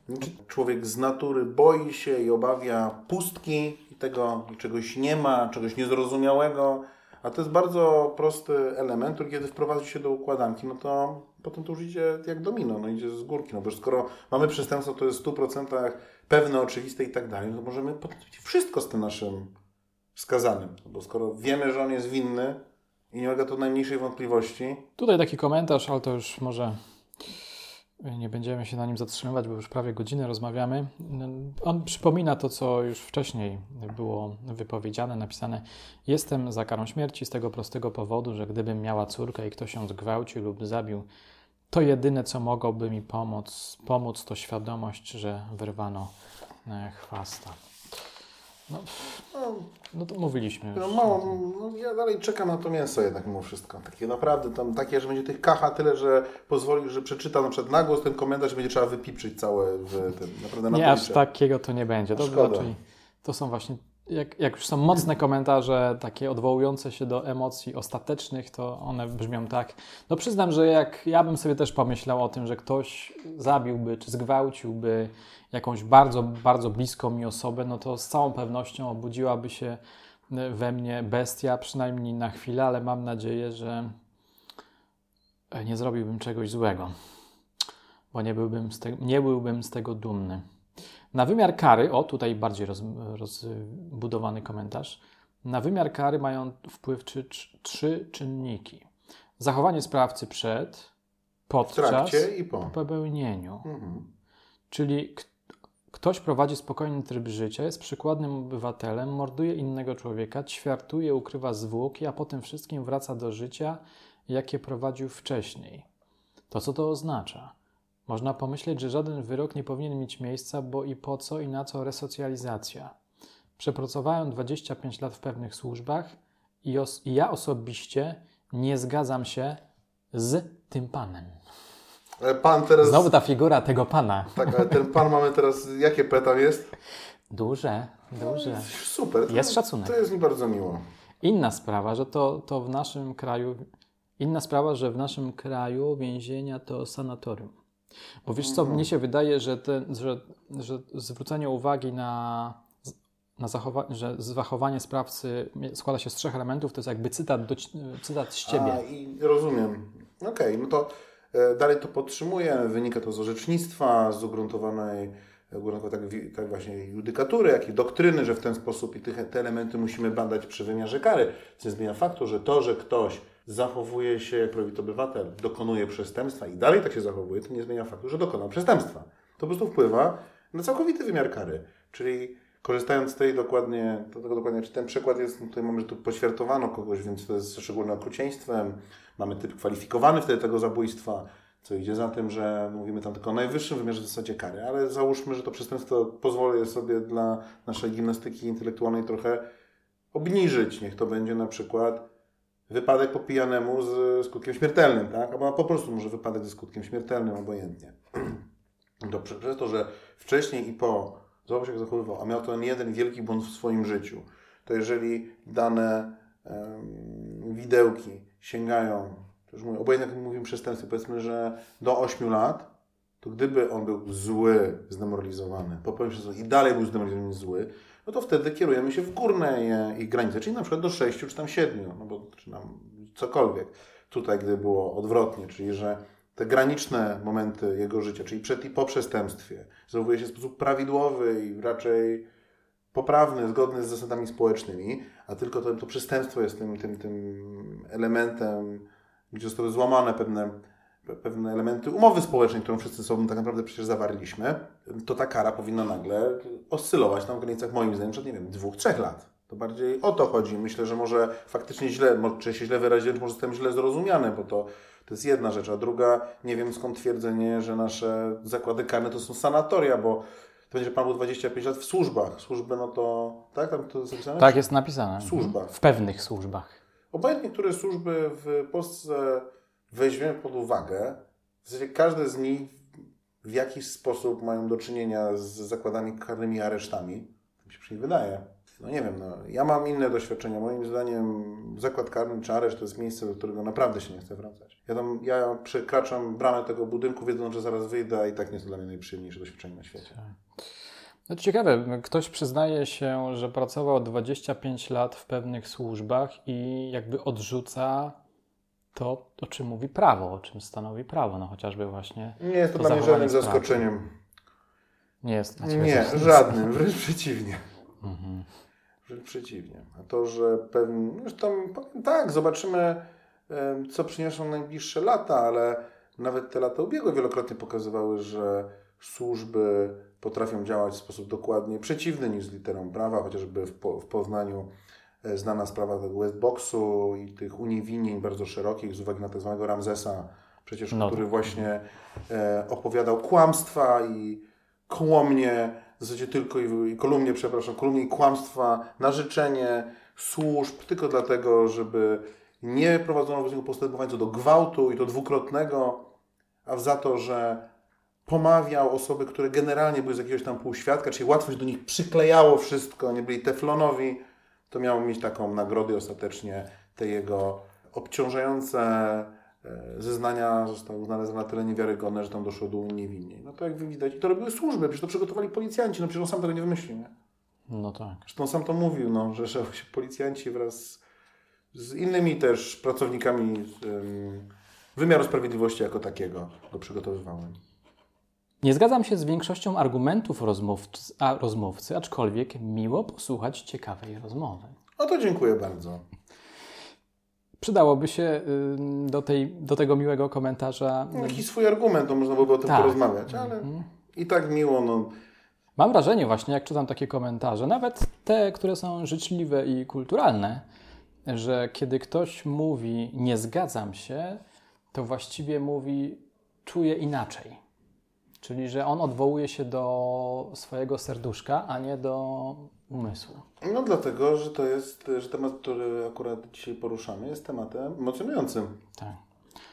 Też dochodzę do wniosku, jak tak sobie czytam te komentarze, że Polacy znają się doskonale na piłce nożnej. Potrafią lepiej jakby, może nie tyle grać, co mówić, jak, jak grać i też na przykład na karze śmierci. Myślę, że Polacy znają się na wszystkim Na najlepiej. wszystkim najlepiej. Tylko, że to jest tylko na tym, co aktualnie jest w modzie. No jest taki świetny mem, jak to nie ma jakiegoś tam budynku takiego mm, podobnego do której wielkiej płyty i że jest wielki konkurs, konkurs Chopinowski. I są takie malutkie chmurki, co mówią pojedynczy mieszkańcy w klimacie piłki nożnej, nie? Czyli Ale nie widziałem o tego ty, mema. mm, jaka, powiem tak, no to jest tam dużo przekleństw, nie wiem na ile możemy sobie pozwolić w Twoim podcaście na Nie, nie, nie przeklinanie. będziemy sobie A pozwalać. skoro nie możemy, to nie będę ich cytować, Po prostu a sam obrazek kiedyś. podeślę i możesz go ewentualnie gdzieś tam zalinkować dla chętnych, zaznaczając, że niestety są tam słowa uznane za mm, obelżywe, ale aczkolwiek w formule raczej zabawnej i to myślę, że nawet ludzie z najwyższych, najwyższej kultury i etyki osobistej będą mieli ubaw oglądając ten rysunek. Okej, to poproszę o podesłanie. Słuchaj, ktoś użył słowa, którego się domagałeś od swojej klientki. Ciekawe by było, to akurat jest ciekawe. Ciekawe by było, mm, gdyby było dwóch gości o odmiennych poglądach, argument, i drugie argumenty pana mecenasa, a raczej słabe. To pierwsze jest ciekawe i rzeczywiście kiedyś muszę zrobić tako, takie spotkanie, żeby były dwie osoby o. Z wielką chęcią. To by było dobre. A które są słabe? Te, które są mocniejsze? Chyba Ar- wszystkie są słabe. No. Jest to tylko jedno zdanie. Argumenty pana mecenasa dużymi literami. Ale to bardzo mi bardzo Raczej mi miło. słabe. Ra, ale raczej, Ale raczej słabe. słabe. Raczej Czyli słabe. któryś tam musiał być w miarę przyzwoity. Chociażby jeden, tak rozumiem. Raczej słabe. Czyli tak, może się i prześlizgniesz, ale Ale ledwo, bo ledwo. No, mo- może dzisiejsze, przede wszystkim tym, że jednak po- jeszcze podyktowane pewnego rodzaju badaniami, może dzisiaj będą miały lepszy odbiór. Może już nie będą, już nie będą cięższe. raczej słabe, tylko będą Słabe. Sier- słabe, słabe. słabe. Albo, albo mogłyby być lepsze. ma rację, że kara śmierci to zemsta, dożywocie prawdziwe i praca ciężka to lepsze. Dla mnie zamiast kary śmierci powinni zrobić przymusowe obozy pracy dla zwyroli ciężka robota do końca życia za suchy chleb, a nie na koszt państwa w celach ochronnych. Tak, mam na myśli oprawców Kamila. Śmierć to dla nich zbawienie. No tak, ta sprawa rzeczywiście była wtedy poruszająca i tak sobie myślałem, że ten nasz podcast może być trochę dla niektórych prowokacyjny, bo taka rozmowa komplikująca sprawy chwilę po tych, czy chwilę przed tymi wieściami rzeczywiście strasznymi. Sam czułem taki jakiś trochę lekki dyskomfort. No, tak to brzmi. Chcesz to Nie, skomentować? nie, nie, nie. No i co do komentarza. No, rozumiem, że to był taki moment akurat, że ta informacja poszła w eter, no i siłą rzeczy ludzie do niej się odnoszą. No i bardzo dobrze, na tym też to polega. Zresztą takie zdarzenia mm, najlepiej, że budzą tego typu dyskusje. Nawet jeżeli faktycznie nie można, bo jesteśmy stroną takich, a innych umów międzynarodowych i nie możemy wprowadzić kary śmierci w Polsce w żadnym jej wydaniu, no to nie uważam, że nie można o niej dyskutować, więc ta dyskusja jest troszeczkę bezprzedmiotowa właśnie z uwagi na to, co powiedziałem przed chwilą. Ciekawe, czy ten pan, małą literą, Tutaj nie, no cóż, no rozumiem. E, Nie jestem już zupa pomidorowa, nie każdy musi mnie lubić. No i co tam dalej? czy ten pan, obrońca, by się tak mundrzył i filozofował, jakby, nie daj Boże, coś złego spotkało kogoś z jego bliskich. No to, tak no to już ja już o tym mówiłem, zresztą, Tak. ale to jednocześnie wierzę się mądrze, bo czyli słuchał tych moich mądrości, ale widzę, że nie, nie słyszę odpowiedzi na to pytanie. Może zbyt było mądrackie. Tak. Szkoda, panie redaktorze, że nie zapytał pan gościa, jak ukarałby czołowych zbrodniarzy odpowiedzialnych za Holokaust. No to cię pytam teraz. To jest bardzo ciekawe pytanie. ukarał? Powiem tak, pytanie jest o tyle ciekawie sformułowane, że mówimy o innych czasach, ponieważ rozwój właśnie, tak jak mówię, generalnie też humanizmu i kwestii w ogóle karnej w latach 40., a dziś jest kompletnie inny. Wtedy jestem przekonany, będąc również wtedy, będąc wychowanym wtedy prawnikiem, będąc uczącym się w dwudziestoleciu międzywojennym, Na pewno byłbym za karą i to powieszenia, no bo byli to oficerowie. Chodziło o to też, żeby ich obejrzeć z godności, tak? W sposób ostateczny zresztą. Przypominam, że całkiem, całkiem niedaleko stąd, na stoku Cytadeli, na Jabłoni, zawisnął Greiser. Tak jest. E, Co było ostatnią publicznie wykonaną karą śmierci w Polsce. Zresztą to był pewien deal między nami a aliantami, że możemy się zgodzić na to, żeby większość z nich była sądzona w Norymberdze czy gdziekolwiek, ale Greisera chcemy zostawić dla siebie.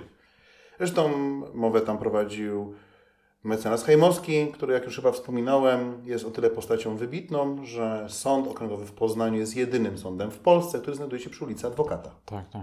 A teraz wracając do odpowiedzi, no w dniu dzisiejszym, właśnie patrząc tego, jak zmieniły się czasy, no byłbym za tym, żeby wszyscy odbywali dożywotną karę pozbawienia, pozbawienia wolności z brakiem możliwości wcześniejszego, przeterminowego zwolnienia. I liczyłbym na to, że w tym czasie, jakby tam spędzali te kolejne lata swojego życia, byłyby próby prowadzenia jednak na nich pewnego rodzaju resocjalizacji. Dowie się, czy ona jest w ogóle możliwa. Tym bardziej, że tam bardzo był ciekawy ten case jakby tej, tej w ogóle konstrukcji myślowej osób, które brały udział w Holokauście. Nie? Tak, to bardzo Jakby ciekawe. to, to jest, ale to myślę, że dzisiaj o tym nie będziemy mówić, o tym jest wiele książek, ale to nie jest, to nie była taka, nie było takie proste zezwierzęcenie, chociaż niewątpliwie zezwierzęcenie to było, co mm, bardzo ciekawym elementem, który warto porównać do tego, to są Japończycy mieli taki swój specjalny oddział, który zajmował się katowaniem i robieniem eksperymentów na Chińczykach głównie, ale nie tylko. Aha. Jednostka 731. Po, polecam. Oni w czasie II wojny chińsko-japońskiej oraz II wojny światowej dokonywali eksperymentów, że takie można nazwać, przy których niektóre badania Mengele wydają się być dopiero takim... Hmm. A tam był też taki ciekawy element, że oni twierdzili na przykład, że jak ktoś się poddał w trakcie walki, to musieli go traktować jako zwierzę, bo człowiek się nie poddaje. Więc jak ktoś na przykład był postrzelony, upadł i trafił do lazaretu, to był normalnie traktowany jako jeniec. Jak ktoś upościł broń, to już był traktowany jak zwierzę. Więc mówię, jeżeli chodzi o ten poziom, ten, a to mówię tylko dlatego, żeby wskazać, że te motywy do robienia absolutnego zła, bo to już sprawia, że poziom absolutnego zła, czyli jak Holokaust, czyli chęć dokonania ostatecznego rozwiązania poprzez całkowitą eksterminację danego rodzaju człowieka, obojętnie w jaki sposób nie chcemy go wyróżnić, to jest taki rodzaj zła, że ta jego, że ta motywacja w ogóle się nie równa z motywacją większości osób, które po prostu dopuszczają się zła.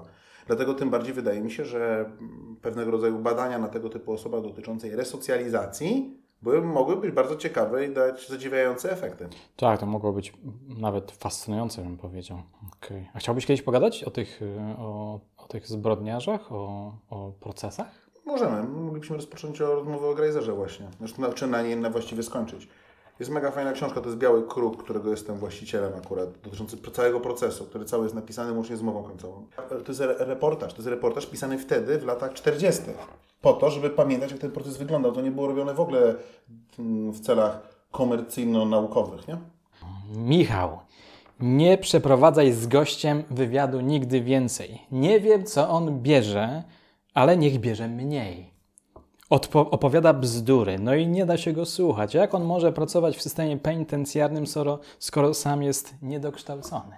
Chciałeś coś mocniejszego. no Nie, no to jest, no nie, to jest bardzo... A ja przeprowadzam z tobą kolejny wywiad. Się przed chwilą mówiliśmy na trzecim. To, to już musisz ocenić siebie, no.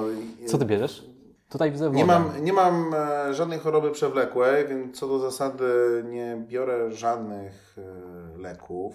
Przynajmniej aktualnie jestem po operacji kolana, więc przy większych efektach bólowych zdarza mi się ketanol. Wątpię, że było Ale jakieś- wtedy co brałeś? W czerwcu. W czerwcu. Nie pamiętam. Nie pamiętam. Ale chyba to, nie, to wtedy nic nie brałem. Przynajmniej nie pamiętam, żebym cokolwiek brał. Nie, ale teraz tak na serio, no powiem tak, no e, na pewno em, Przydałoby się doprecyzowanie Przede zarzutów. wszystkim ja nie powiedziałem, że ja. Ja nie pamiętam, żebym ja mówił coś takiego, że ja w systemie penitencjarnym jako takim pracuję, no bo nie pracuję w systemie Nie penitencjarnym. mówiłeś tego. Ja jestem elementem wymiaru sprawiedliwości, tak zwanego wymiaru sprawiedliwości, będąc adwokatem, czyli będąc nie bezpośrednio częścią wymiaru sprawiedliwości, ale biorę w nim czynny udział jako element tak naprawdę najczęściej zewnętrzny, przede wszystkim niezależny, który opiera, ta niezależność opiera się na naszym samorządzie. Więc y, nie do końca wiem skąd te, skąd to jakby nastawienie, że nie- niedouczony, też bym chciał wiedzieć, w jakich elementach jestem niedouczony. W sensie to jest bardzo fajna wypowiedź i chciałbym się do niej odnieść, bo tam mówi o tym, że gadam bzdury. Mówiąc bzdury, rozumiem, że tam było coś całkowicie niezwiązanego z rzeczywistością. No nie mówię, może tak było. Może faktycznie pomyliłem coś do takiego stopnia, że była to bzdura i z chęcią chciałbym się wtedy do tego odnieść.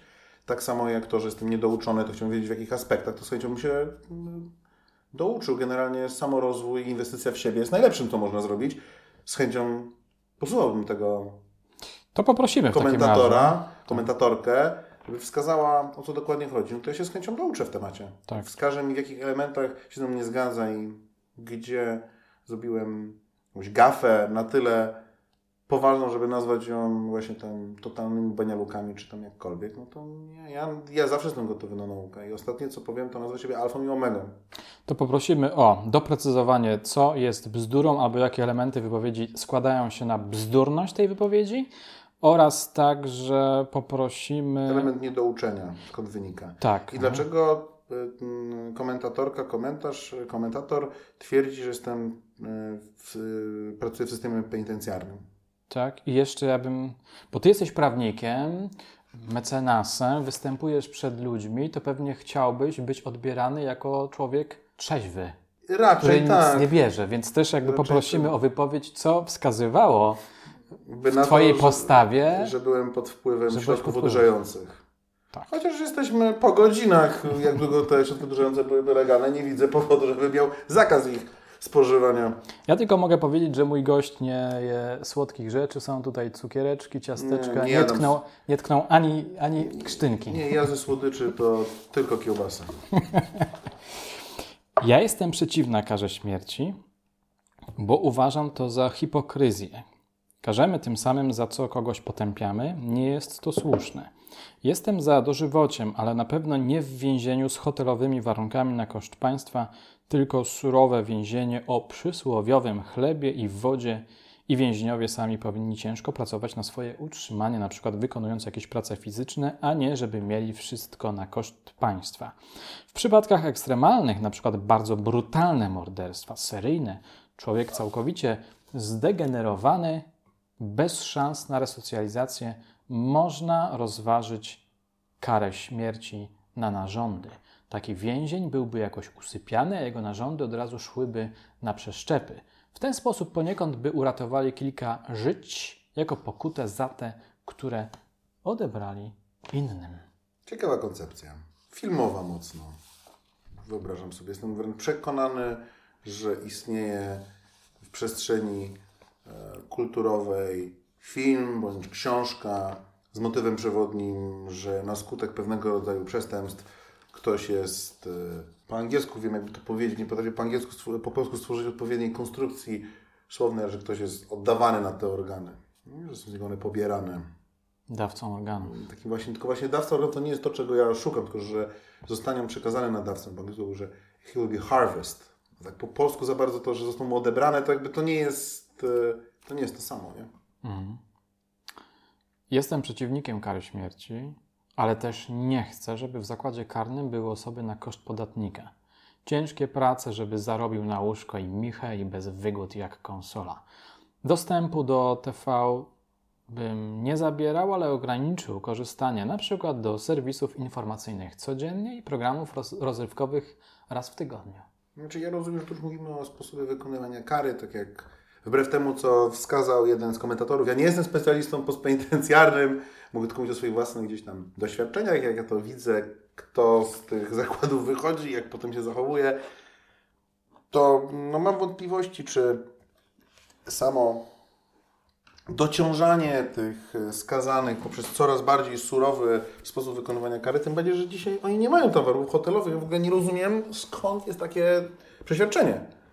Z niewiedzy może. No, ale to oznacza jedno, że najwyraźniej trzeba. Powiem tak, z tego co wiem, raz na pewien czas można odwiedzić zakłady karne. Są jakieś takie, przynajmniej kiedyś były takie, takie akcje organizowane przez różne NGOsy. Niech ktoś się zapisze, niech pójdzie, niech zobaczy i wtedy ja z chęcią z nim wrócę do rozmowy dotyczącej tego, jak tam powinno wyglądać. Co do osób, które są właśnie skazane na, na, dożywocie, za najbardziej brutalne przestępstwa, no oczywiście najlepiej by było, gdyby oni, po pierwsze, oni są w najbardziej surowych warunkach i oczywiście, że najfajniej by było, najfajniej, najlepiej by było, gdyby oni na skutek jakiejś wykonywali pracę i tak dalej na rzecz e, czy społeczeństwa, czy chociaż na rzecz tego, żeby trochę obniżyć koszt swojego utrzymania. No ale też tym elementem karty podstawowej i naszych praw, jakim jest to, że nie zabijamy, jest też to, że nie ma pracy niewolniczej. No i trudno jest to od siebie oderwać. Nie możemy też zastępować jednego, z jednego prawa korzystać w pełni i je chronić, a innego zdecydować się omijać.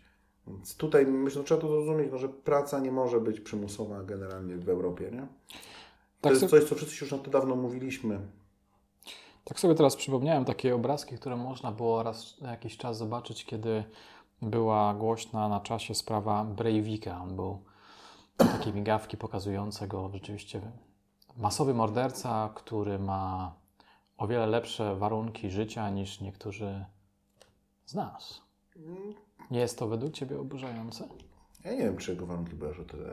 o To takie były migawki, no ja No nigdy tak, tego to, nie że to jest coś takiego. Dzisiaj siedzimy w, cał, w całkiem porządnym pomieszczeniu. No wiadomo, że nie ma tutaj warunków, żeby tutaj dzisiaj mieszkać. Tak, ale położymy tutaj łóżko, tak dalej, będą jakieś warunki. Podejrzewam, że będą lepsze warunki od co najmniej tych 900 tysięcy gospodarstw domowych, które nie mają bieżącej wody. Bo takie aktualnie, czy toalety, przepraszam, nie bieżącej wody, nie ma dostępu do toalety w Polsce. Tylko, że między tym, że jesteś w takich warunkach, że nie masz dostępu do toalety, co znaczy najczęściej, że ona jest gdzieś tam w oficynie albo na półpiętrze, a to, że jesteś zamknięty w takim pomieszczeniu i nie możesz go opuścić, to wydaje mi się, że to jednak nie oznacza, że te warunki są takie same. To, że jego warunki są lepsze pod względem takich tych najbardziej podstawowych potrzeb, tak? czyli że ma gdzie spać, ma co jeść, ma w miarę ciepło i tak dalej, a cała piramida potrzeb, no wydaje mi się, że to trudno twierdzić i tak od razu miarkować, że te są dużo lepsze, te są dużo gorsze. A kara musi być dotkliwa, zgadzasz się z tym? Tak. To według Ciebie słuszna dotkliwość na przykład dla takich mm, seryjnych zabójców, seryjnych gwałcicieli, na czym miałaby polegać? Polega na, czy tutaj polega na tym, że w sposób dożywotni będą pozbawieni wolności. Ja naprawdę jestem, powiem tak, ja sam najbliżej ile byłem pozbawienia wolności, to kiedy 28 dni byłem na izolacji w covid Bo tyle byłem, bo byłem w tej pierwszej fazie, kiedy żeby było wyjść, trzeba było trzykrotnie, czy tam dwukrotnie po- pod rząd w każdym razie mieć pozytywny, negatywny wynik testu, dla mnie wtedy był pozytywny mentalnie, a mi się to cały czas nie udawało. Jak się jeden nie udał, to trzeba było mieć dwa od początku, robiło się co trzy dni. A ja wtedy, to naprawdę wtedy było tak, że policja przyjeżdżała kilka razy dziennie pod mój balkon, bo jeszcze nas było wtedy w Poznaniu, bo nie wiem, z 15 czy 20 chorych dosłownie, że inni to byli pod moją chatą. To byłeś jednym z Ja pierwszych. byłem jednym z pierwszych. Tak, no, oraz ja akurat miałem takie szczęście, że jak zachorowałem, to nawet były wtedy takie e, komentarze, był cały taki wielki akapit, że w środowisku prawniczym możliwe, że wybuchł tam COVID i tak dalej, nie? I to było o mnie. to było o mnie w Poznaniu. No. To był wrzesień, nie? To był, to był sam naprawdę początek. To było tak, że tych chorych, takich właśnie pozamykanych było kilkudziesięciu, nie? Więc oni naprawdę mieli czas się nami zajmować i ja naprawdę nie opuściłem drzwi mojego mieszkania. A naprawdę mam fajne mieszkanie z balkonem, z widokiem na zieleń. A i tak byłem zmęczony. Czyli na tym, po, powiem- na tym polega ta Właśnie o dotkliwość. to chodzi, że pozbawienia wolności, tam dotkliwość nie polega na tym, że masz mieć zimne mury. Polega na tym, że jesteś pozbawiony wolności. Rozumiem. A wolność jest jednym z najważniejszych elementów w ogóle mentalnych, który pozwala funkcjonować. Dlatego tyle osób w apatię na przykład tam popada. Nie? Oczywiście, oczywistym jest, że są osoby tak dalece zdemoralizowane, że dla nich na przykład ten pobyt w zakładzie karnym, a poza zakładem karnym, u nich to jest tak, jakby przychodzili w Narni. No I przychodzą do Narni przez drzwi. Tam mają jeden świat, tu mają drugi świat i w obydwu się odnajdują doskonale. Są tacy, nie mówię, że nie. I wobec takich tej dotkliwości już nie ma. I u nich tej dotkliwości nie jesteś w stanie wywołać w żadnych normalnych e, warunkach. Tą dotkliwość możesz wywołać poprzez skuteczną resocjalizację, gdzie on zrozumie, jakby co on tak naprawdę traci, tak? Więc na początku nie będzie tego. Przynajmniej tak rozumiem, że to powinno działać w teorii, tak? Nie mówię, że tak to u nas działa. No ale w każdym razie, no i wobec takich, no niestety, no wobec takich już nie wchodzi element tej kary, że ma być dotkliwa, czyli ten, ten indywidualny aspekt, ten, ten już no, no, tej- tej prewencji indywidualnej w zasadzie nam umyka. No i zostaje ten najważniejszy wtedy, czyli prewencja generalna, czyli że ta, ta osoba na wolności nie dokona kolejnego przestępstwa. Kara śmierci to igrzyska dla rozwścieczonej tłuszczy. Nie chciałbym nazywać osoby, które są zwolennikami kary śmierci rozcieczoną tłuszczą, ale ten element igrzysk, no jest coś w tym, ale to właśnie To, to, bo igrzyska to brzmi tak, jakby ktoś się przy tym dobrze bawił, a to nie zawsze o to chodzi. Po prostu tak jak rozmawialiśmy, ludzie poszukują zakończenia historii, chcą dojechać do mety, nie chcą stawiać kwestii otwartych, dlatego szukają winnego i bardziej ta satysfakcja wynika z tego, że ta, ta, ta historia jest dokończona. Czy ta satysfakcja potem zostaje z nami, czy wręcz prowadzi, do dalszej pustki, no to to już nie wiem. Bardzo głupio mądry rozmówca. To, to albo głupie, albo mądry, no i co?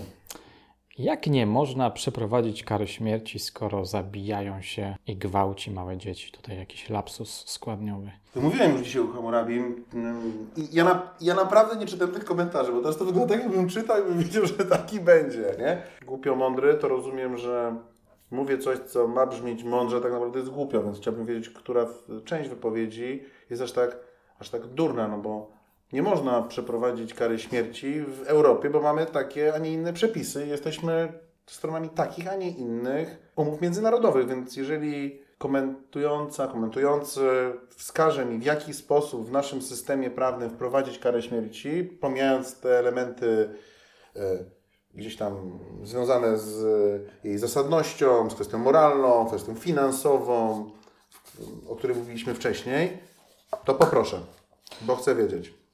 No ja myślę, takie mam wrażenie, że w sumie to, co ty mówisz, y, w pewnym sensie nie jest niczym oryginalnym, bo wynika e, z prawa.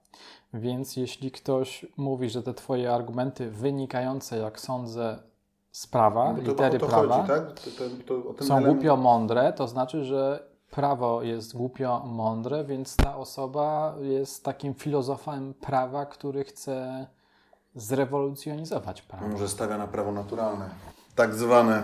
Nie wiem, czy znacie, polecam poczytać trochę o prawie naturalnym. To są bardzo ciekawa taka koncepcja, że dla człowieka są pewne właśnie niezbywalne prawa i one są tak daleko idące, że na przykład osoby, które tam bronią się tym prawem, twierdzą, że na przykład nie można im dać mandatu albo że mogą wydać sobie sami dowód osobisty. Są też ludzie, że ich żerują, im sprzedają mnóstwo śmieci. To są tacy płaskoziemcy, ale z elementem prawnym. Świetna rzecz, naprawdę polecam poczytać. I to mówię bardzo głupio mądrze teraz, bo jest to naprawdę i głupio, i głupie, i mądre na swój sposób.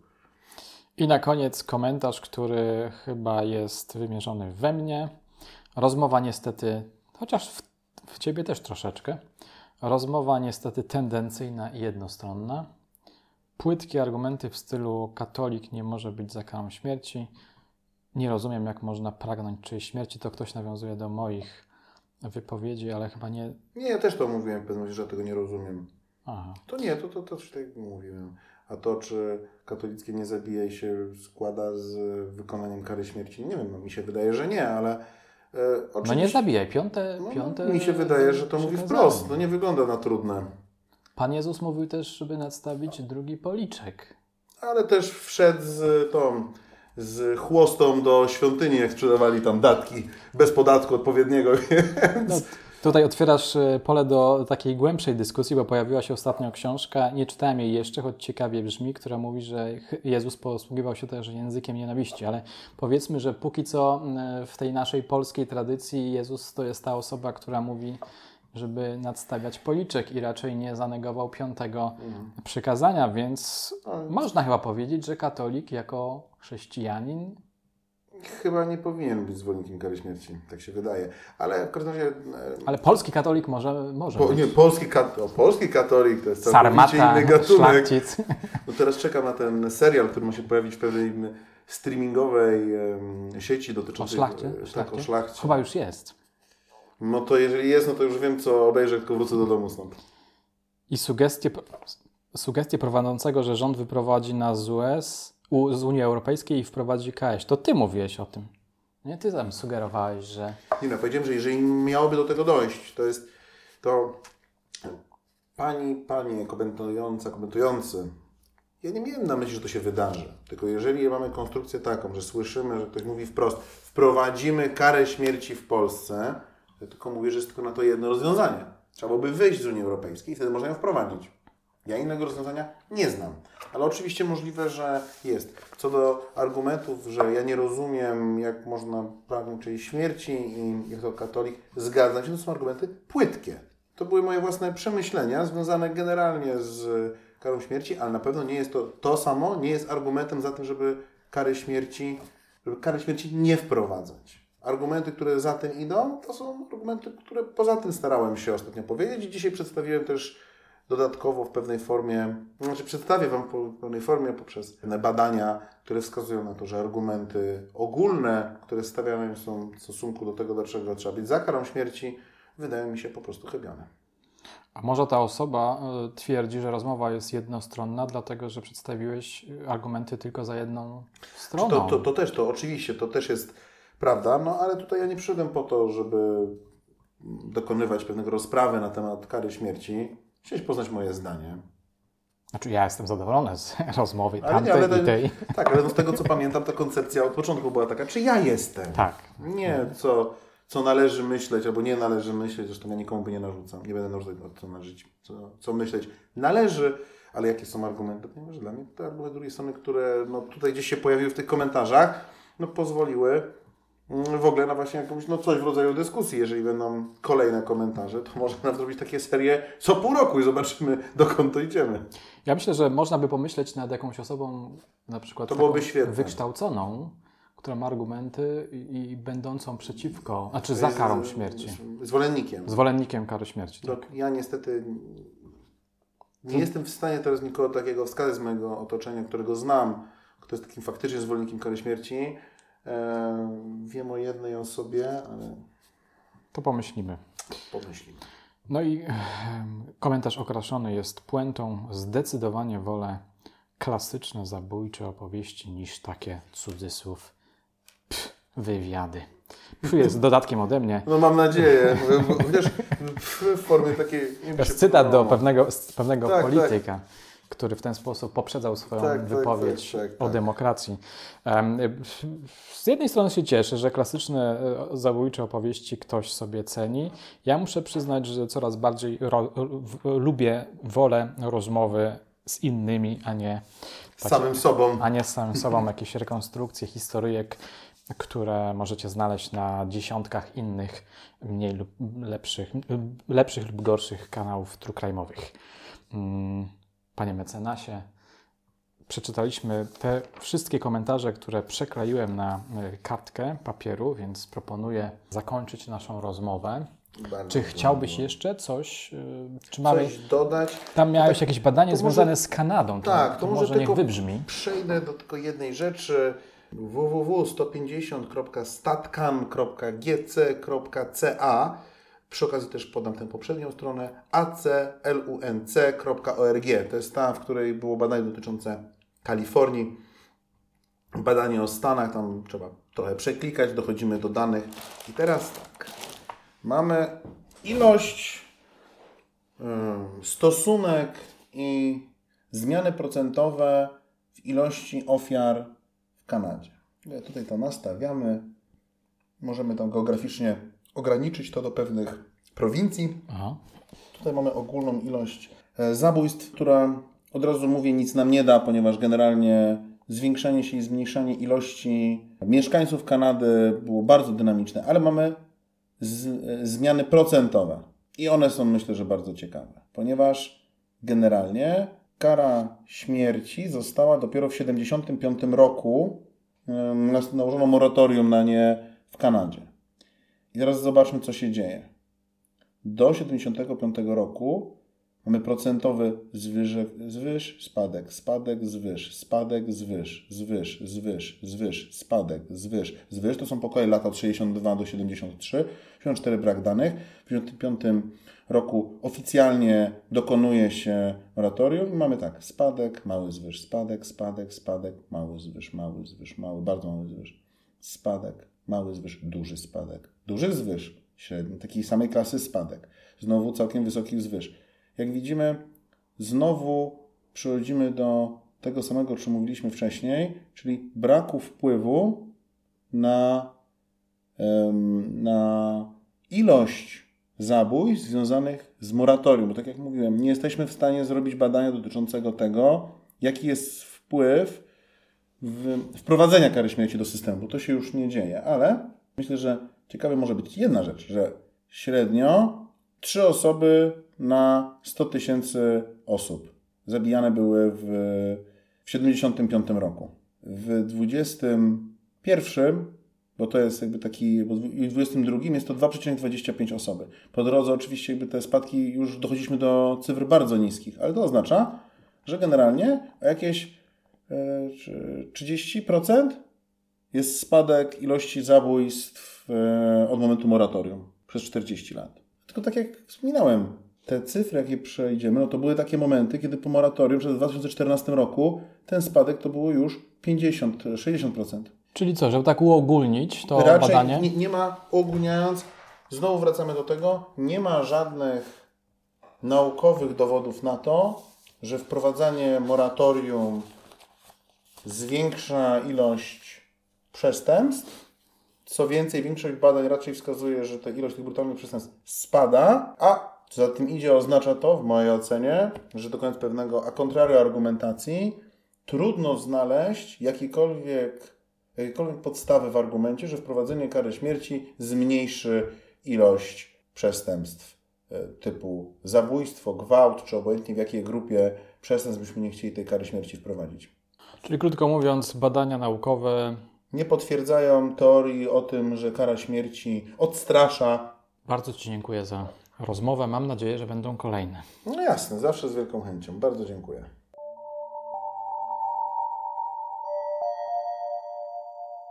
Moje drogie, moi drodzy, dziękuję za wszystkie komentarze, które stały się punktem wyjścia niniejszej rozmowy. Mam nadzieję, że odcinek przypadł Wam do gustu. Dajcie wyraz swoim wrażeniom, podzielcie się przemyśleniami, chętnie posłucham Waszych komentarzy. Mile widziane także argumenty szczególnie te rzeczowe.